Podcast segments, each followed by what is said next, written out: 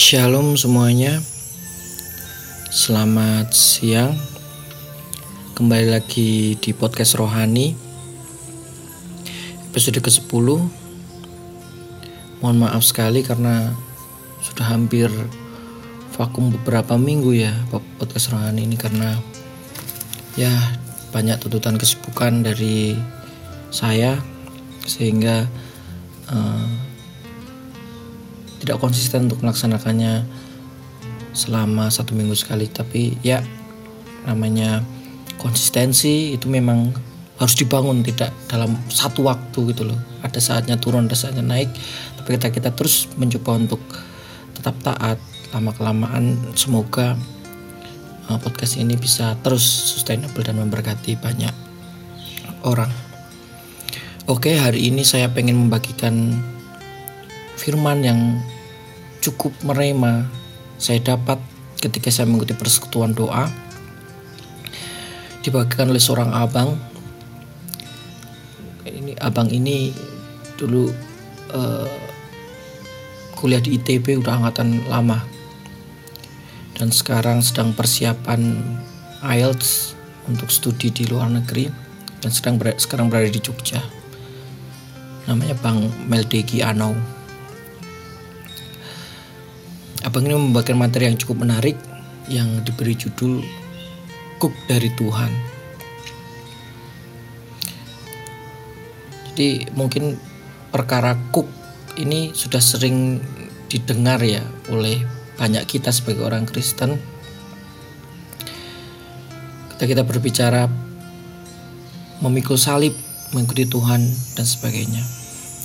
Kita mau ingat lagi firman Tuhan ini, kuk dari Tuhan yang menjadi bagian kita, orang-orang Kristen, yang harus dikerjakan oleh setiap orang percaya.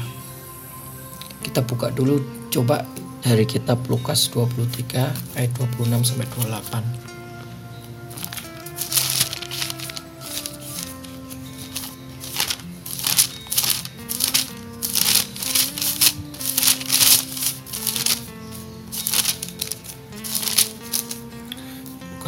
23 ayat 26 sampai 28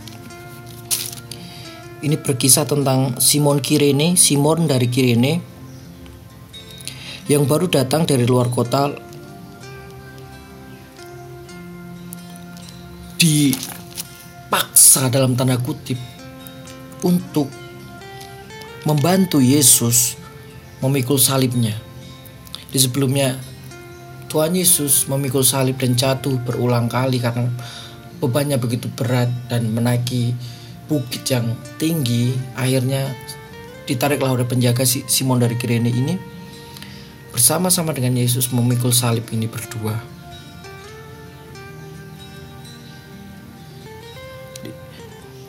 Jadi Simon dari Kirene sebenarnya mungkin dia adalah orang yang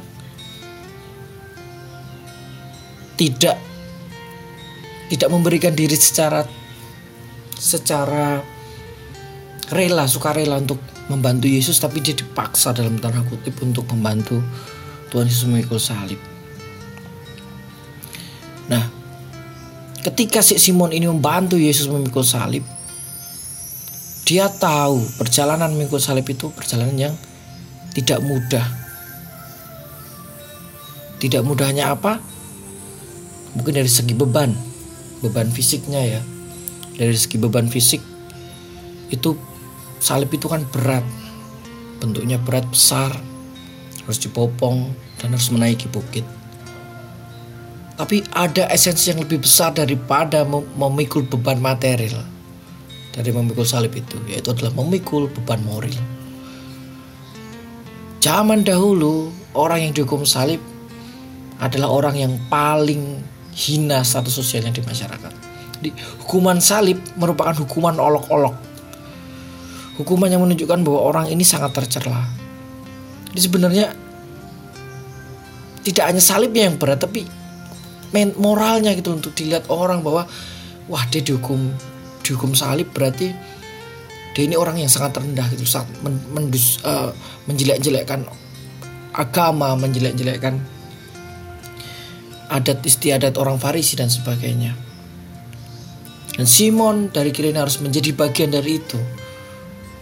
Menanggung beban materi dan beban moral untuk bersama-sama memikul kuk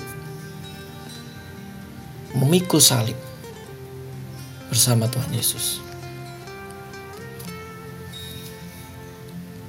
Nah, oleh karena itu, kita sebagai orang Kristen, baik secara sukarela maupun dana maupun dalam tanda kutip mungkin dipaksa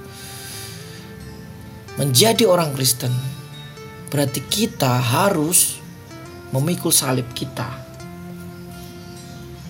Memikul salib kita.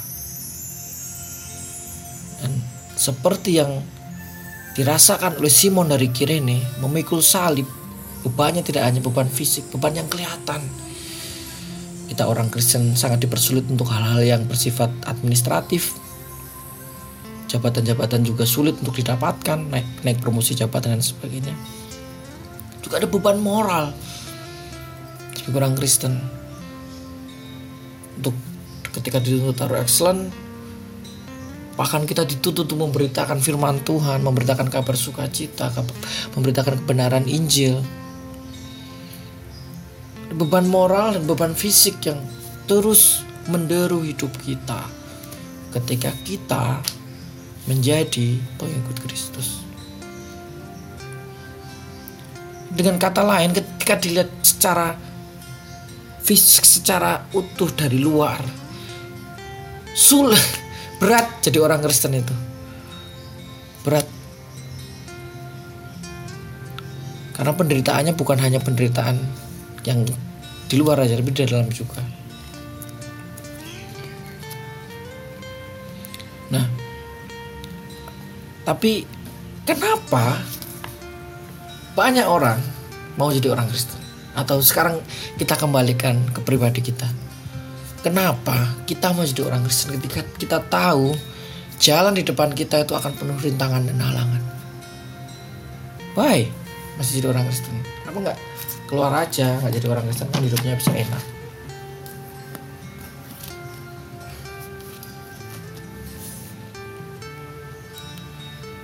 Ketika kita berbicara karya penyelamatan Kristus di kayu salib, Karya yang Tuhan lakukan untuk menebus dosa-dosa kita itu adalah karya yang sangat tidak ternilai.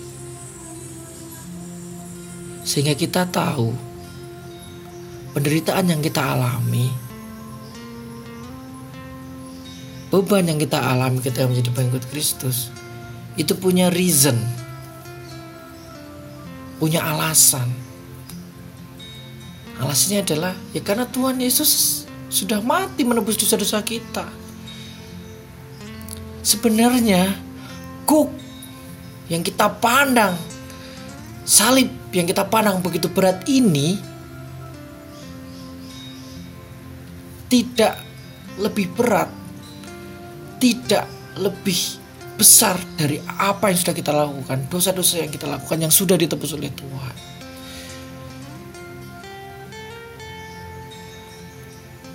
seperti itu. Jadi marilah kita belajar untuk mengerti apa itu pengenalan akan Tuhan, memikul salib dan menanggung tugas dari Tuhan yang ditaruh di, pada pundak kita yang disebut dengan kuk. Kita buka di Matius 11 ayat 29.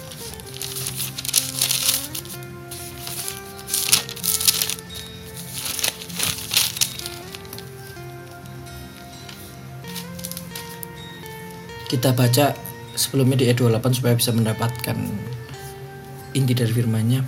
Marilah kepadaku semua yang letih, lesu dan berbeban berat, aku akan memberi kelegaan kepadamu. Pikulah kuk yang kupasang dan belajarlah padaku karena aku lemah lembut dan rendah hati dan jiwamu akan mendapat ketenangan sebab kuk yang kupasang itu enak dan bebanku pun ringan. Ketika kita berarti sudah berbeban berat, apa yang Tuhan, Tuhan suruh pada kita? Pikullah kuk. Kuk itu apa sih sebenarnya? Kuk itu apa sih sebenarnya? Mungkin bisa ini ya. Bisa pada cari ya sebenarnya. Ini tak bukakan di Wikipedia aja. Kuk adalah palang kayu dengan jepitan vertikal yang memisahkan kedua binatang penari sehingga bersama-sama dapat menarik beban berat. Jadi kalau kalian tahu uh, kerbau yang membajak sawah itu secara efektif biasanya kerbaunya dua. Terus di antara di antara kerbau itu di tengah-tengah itu ada kayu berbentuk palang yang tengahnya ada mata bajaknya dan kerbau itu diikat dengan uh, dengan palang itu supaya mata ketika dia berjalan mata mata bajaknya itu akan membajak sawah. Jadi kuk itu semacam alat bajak yang dipasangkan kepada dua dua buah kerbau. Karena ketika satu itu akan sulit kerbau itu untuk menanggung uh, me, menahan beban itu menahan beban dari kuk karena nggak seimbang kan makanya dua. Nah diibaratkan kuk adalah seperti itu gitu loh. Di sebuah palang yang ditaruh di dua pribadi yang dikerjakan sama-sama yang ditaruh sama-sama untuk kedua pribadi ini berjalan simultan bekerja untuk membajak sawah. Nah, ketika kita berbicara tentang cook ini, ada berarti ada dua persona kan, nggak bisa satu orang saja. Siapakah dua persona itu? Ketika berbicara pikurlah kuk yang kupasang. Itu sebenarnya adalah berbicara tentang diri kita yang dipasangi kuk. Dan juga persona yang lain orang yang lain adalah Tuhan Yesus itu sendiri.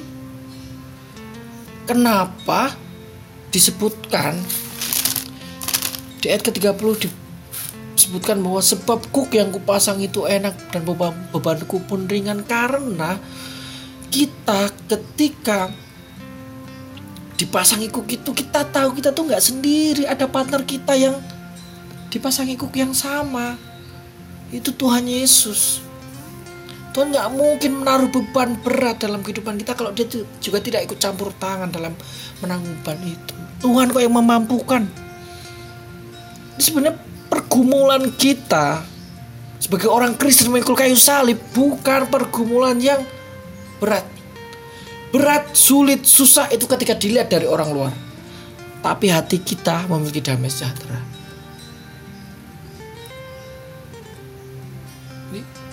Lebih baik kita bekerja keras, bersusah-susah, berletih, lesu, tapi kita suka cita dalam melaksanakan panggilan Tuhan, tanggung jawab dari Tuhan, mengerjakan kuk yang sudah Tuhan pasang. Karena cooknya enak. Tuhan kok yang memampukan setiap kita untuk mengerjakan bagian kita. Dan perlu kita tahu dan perlu kita belajar bahwa cook yang dipasangkan pada setiap-tiap orang itu berbeda-beda. Jadi tidak bisa dipukul rata.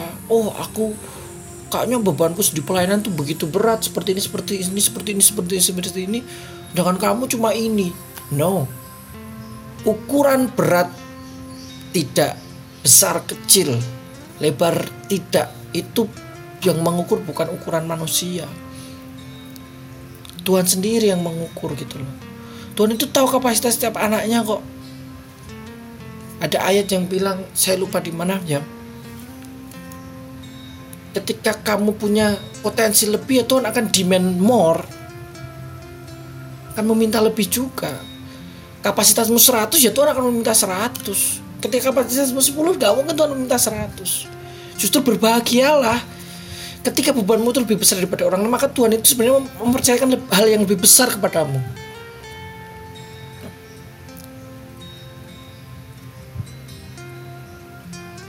Oke, jadi kita dalam dalam masa kita mengikuti Tuhan memang menanggung kuk dari Tuhan itu sebenarnya ada banyak sukacita dan pelajaran yang bisa kita dapatkan. Yang dibaca eh, yang disebutkan di ayat ke-29, "Belajarlah padaku karena aku lemah lembut dan rendah hati, dan jiwamu akan mendapatkan ketenangan." Aneh nggak? Kita diberi beban, itu justru malah merasa tenang.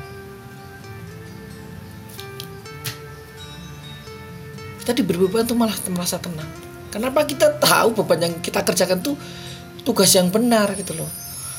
Tugas dari Tuhan. Justru aneh ketika orang Kristen hidup bisa sebagai orang Kristen mengenal Kristus mengenal sosok pribadi Kristus mengenal apa yang Kristus kerjakan di dunia ini. Tapi dia tidak mengerjakan panggilan Tuhan. Dia itu meneladani seseorang tapi tidak melakukan apa yang dia lakukan. Seseorang itu lakukan. Dia sebagai penonton itu yang aneh sebenarnya. Harusnya kita tidak tenang gitu loh.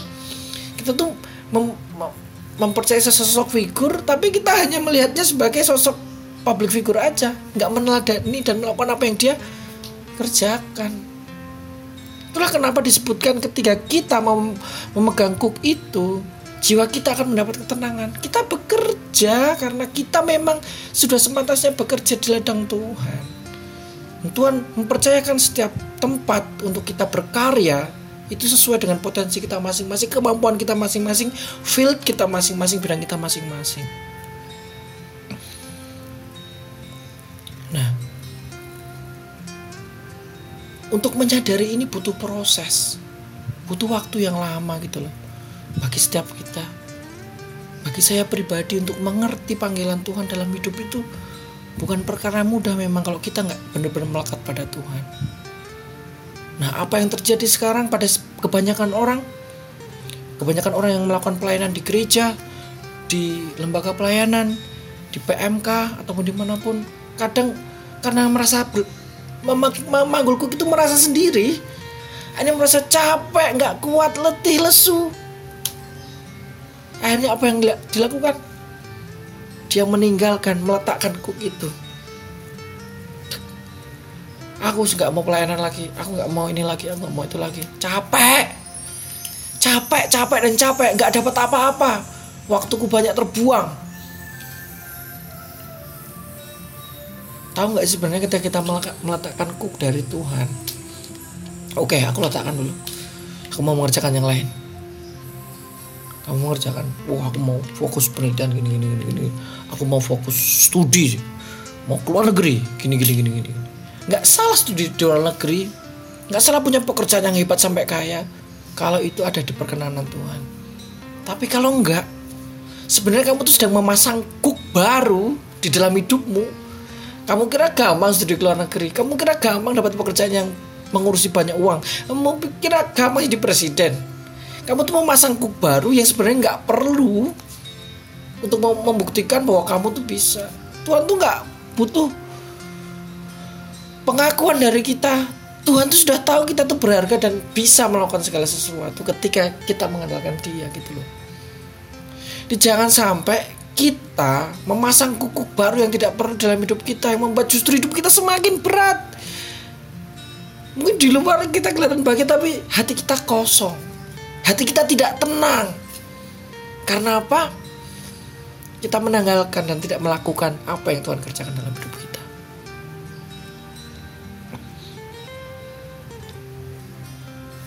Jadi kerjakan bagian kita dan percayalah bahwa bagian itu adalah yang ditetapkan Tuhan dalam hidup kita. Kita buka di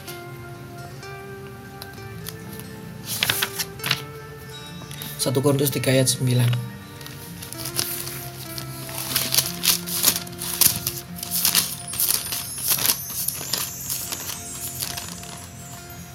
1 Korintus 3 ayat 9 Karena kami adalah kawan sekerja Allah Kamu adalah ladang Allah, bangunan Allah. Kami di sini konteksnya adalah Paulus dan murid-muridnya. Ini kata-kata yang sangat sensasional sih. Yang saya baru dapatkan juga tadi malam. Kami adalah kawan sekerja Allah. Partner Worker partner. Partner kerja Allah. Kita tuh bukan kamu adalah anak buah Allah, kamu adalah OB-nya Allah. No, partner, rekan sekerja Allah. Jadi ketika kita melakukan panggilan, ketika kita melakukan pekerjaan Tuhan, kita tuh diposisikan Tuhan bukan sebagai bawahan, tapi rekan yang level setara gitu loh. Ketika kita berbicara level yang setara ya mesti ada pertukaran benefit. Seperti kita rekan kerja dengan yang lain. Kalau kita posisinya setara dengan teman kita ya kalau dia ngasih data A ya aku bakal sampai data B terus laporan selesai gitu loh. Percaya kok karena Tuhan itu partner pemegangku kita. Nggak berat sebelah kukunya itu loh sama. Beratnya tuh sama seimbang. Percayalah kuk yang kita kita kita pegang yang ada di pundak kita itu sama yang juga yang dipegang oleh Tuhan. Jadi nggak mungkin Tuhan itu membiarkan kita terlalu terbeban dengan apa yang kita kerjakan. Ketika itu masih ada misalnya pelayanannya banyak gini gini gini gini ditopang oleh keluarga yang masih berat, ditopang oleh di masih ada pikiran di kampus yang tugas-tugas yang begitu sulit.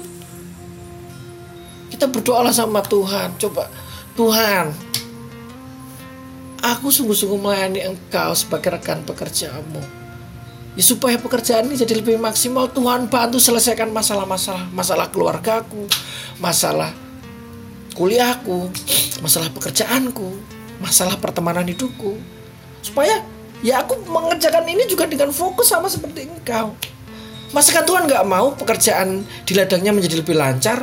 Mesti Tuhan bantu kita menyelesaikan masalah-masalah di dalam keluarga, di dalam pekerjaan kita, di dalam kuliah kita, supaya Tuhan mau kita semakin akselerasi membantu dia melaksanakan panggilannya dan pekerjaannya.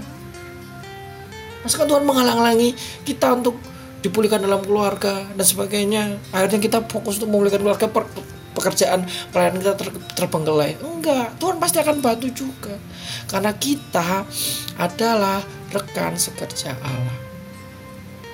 Ada quote seperti ini dalam melakukan pekerjaan Allah itu tanpa Tuhan kita tidak akan mampu melakukan pekerjaan Allah tapi Allah tanpa manusia dia tidak akan tanpa Tuhan kita tidak akan mampu mengerjakan pekerjaan Allah. Tapi tanpa manusia Tuhan tidak akan mau. Tuhan tidak akan mau mengerjakan pekerjaan. Ya, sebenarnya Tuhan mampu, tapi Tuhan nggak mau karena apa? Tuhan itu sangat mengasihi manusia. Tuhan itu nggak mau anak-anaknya ini yang sudah diselamatkan ini jadi jobless, nganggur. Setelah diselamatkan, udahlah kalian nganggur aja dari ladang pelayananku nggak usah kerja enak-enak ngomong nggak mau lah Tuhan kita aja sebagai mahasiswa yang mungkin udah lulus kuliah udah selesai gitu nggak dapat pekerjaan. Misalnya saya lulusan biologi saya nggak dapat pekerjaan yang sesuai atau malah belum dapat pekerjaan sama sekali. Stres kan sedih kan. Aku tuh harusnya bekerja di bidang ini tapi nggak bekerja gitu loh.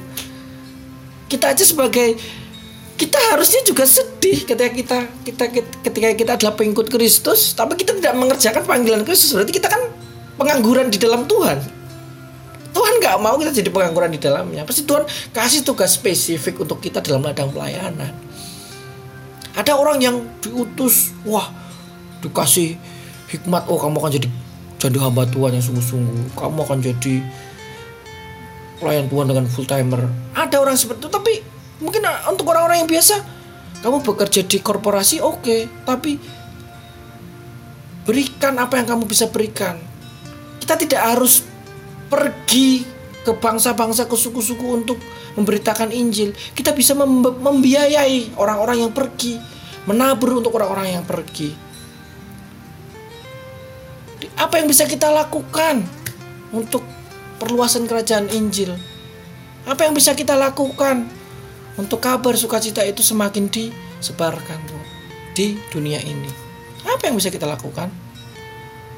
Itulah yang menjadi beban kita sebagai bekerja keras. Dan akan ada ketenangan gitu loh. Ketika kamu tahu kamu dapat gaji 10 juta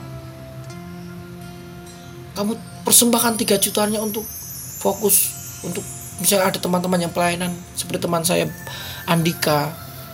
Dia pengabdian untuk suku-suku pedalaman di Papua untuk mengajar di guru SD di semak belukar kita akan bahagia kita kita bisa membagikan 3 juta itu ke dia.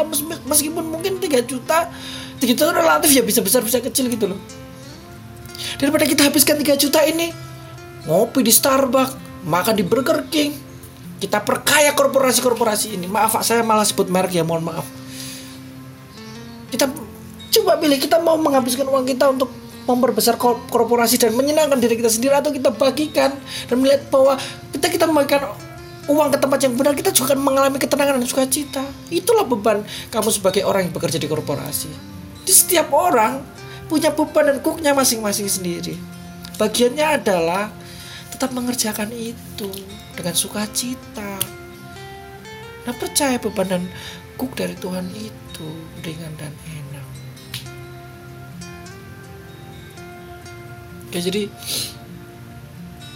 ketika kita sebagai kawan sekerja Allah, Tuhan mau kita bekerja bersama-sama dengan Dia untuk mengenapi panggilan.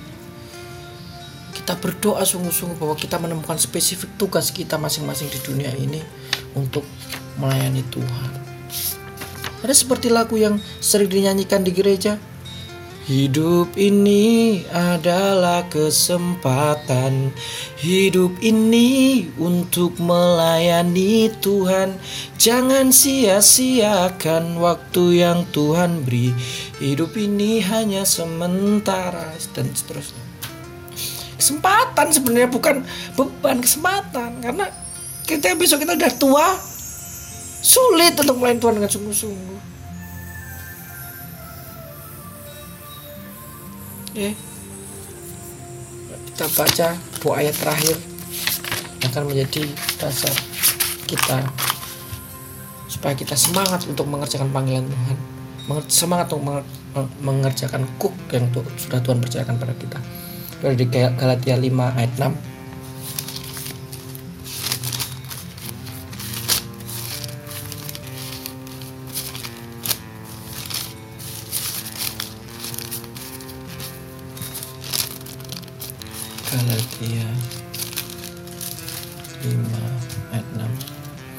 Sebab bagi orang-orang yang ada di dalam Kristus Yesus hal yang, hal yang bersunat atau tidak bersunat tidak mempunyai sesuatu arti hanya iman yang bekerja oleh kasih hanya iman yang bekerja oleh kasih hanya iman yang bekerja oleh kasih jadi iman dan kasih ini adalah dua hal yang sangat sinkron. Coba kita buka lagi di Efesus 2 ayat 8. Sebab karena kasih karunia kamu diselamatkan oleh iman. Tadi di Galatia hanya iman yang bekerja oleh iman yang bekerja oleh kasih dan kasih yang bekerja kepada iman. Dua hal yang sinkron itu. Jadi kita memiliki iman yang sungguh-sungguh pada Tuhan dan kasih yang begitu besar itulah yang menjadi dasar kita mengerjakan kuk yang dari Tuhan ini beriman dan melakukan kasih. Apa yang Tuhan suruh kepada Petrus sebagai bukti dia mengasihi Tuhan? Petrus anak Yohan anak siapa lupa aku. Apakah engkau mengasihi aku? Gembalakanlah domba-dombaku. Gembalakanlah domba-dombaku. Bukti kita mengasihi Tuhan ya kerjakan bagian kita untuk melayani Tuhan seperti itu jadi tetap semangat untuk teman-teman semua yang sedang bergumul tentang panggilan hidup untuk melayani Tuhan kadang bingung dengan pekerjaan-pekerjaan yang begitu berat pekerjaan-pekerjaan yang menuntut waktu, tenaga dan pikiran sehingga kita tidak ada waktu untuk melayani Tuhan. Percayalah kok, Tuhan itu kalau sayang sama kita, Tuhan tuh akan selalu memberikan waktu pada kita untuk benar-benar sungguh-sungguh bisa ada di suatu tempat yang disebut pelayanan. Sekarang tinggal kita mau nggak melayani Tuhan. Mau tinggal mau aja. Karena ketika mau kita akan dimampukan oleh Tuhan. seperti itu. Jadi sekian sharing firman Tuhan pada siang hari ini. Kita akan lanjut di episode selanjutnya untuk podcast rohani. See you. God bless. Tuhan Yesus memberkati setiap pekerjaan pelayanan yang kalian sedang kerjakan. Haleluya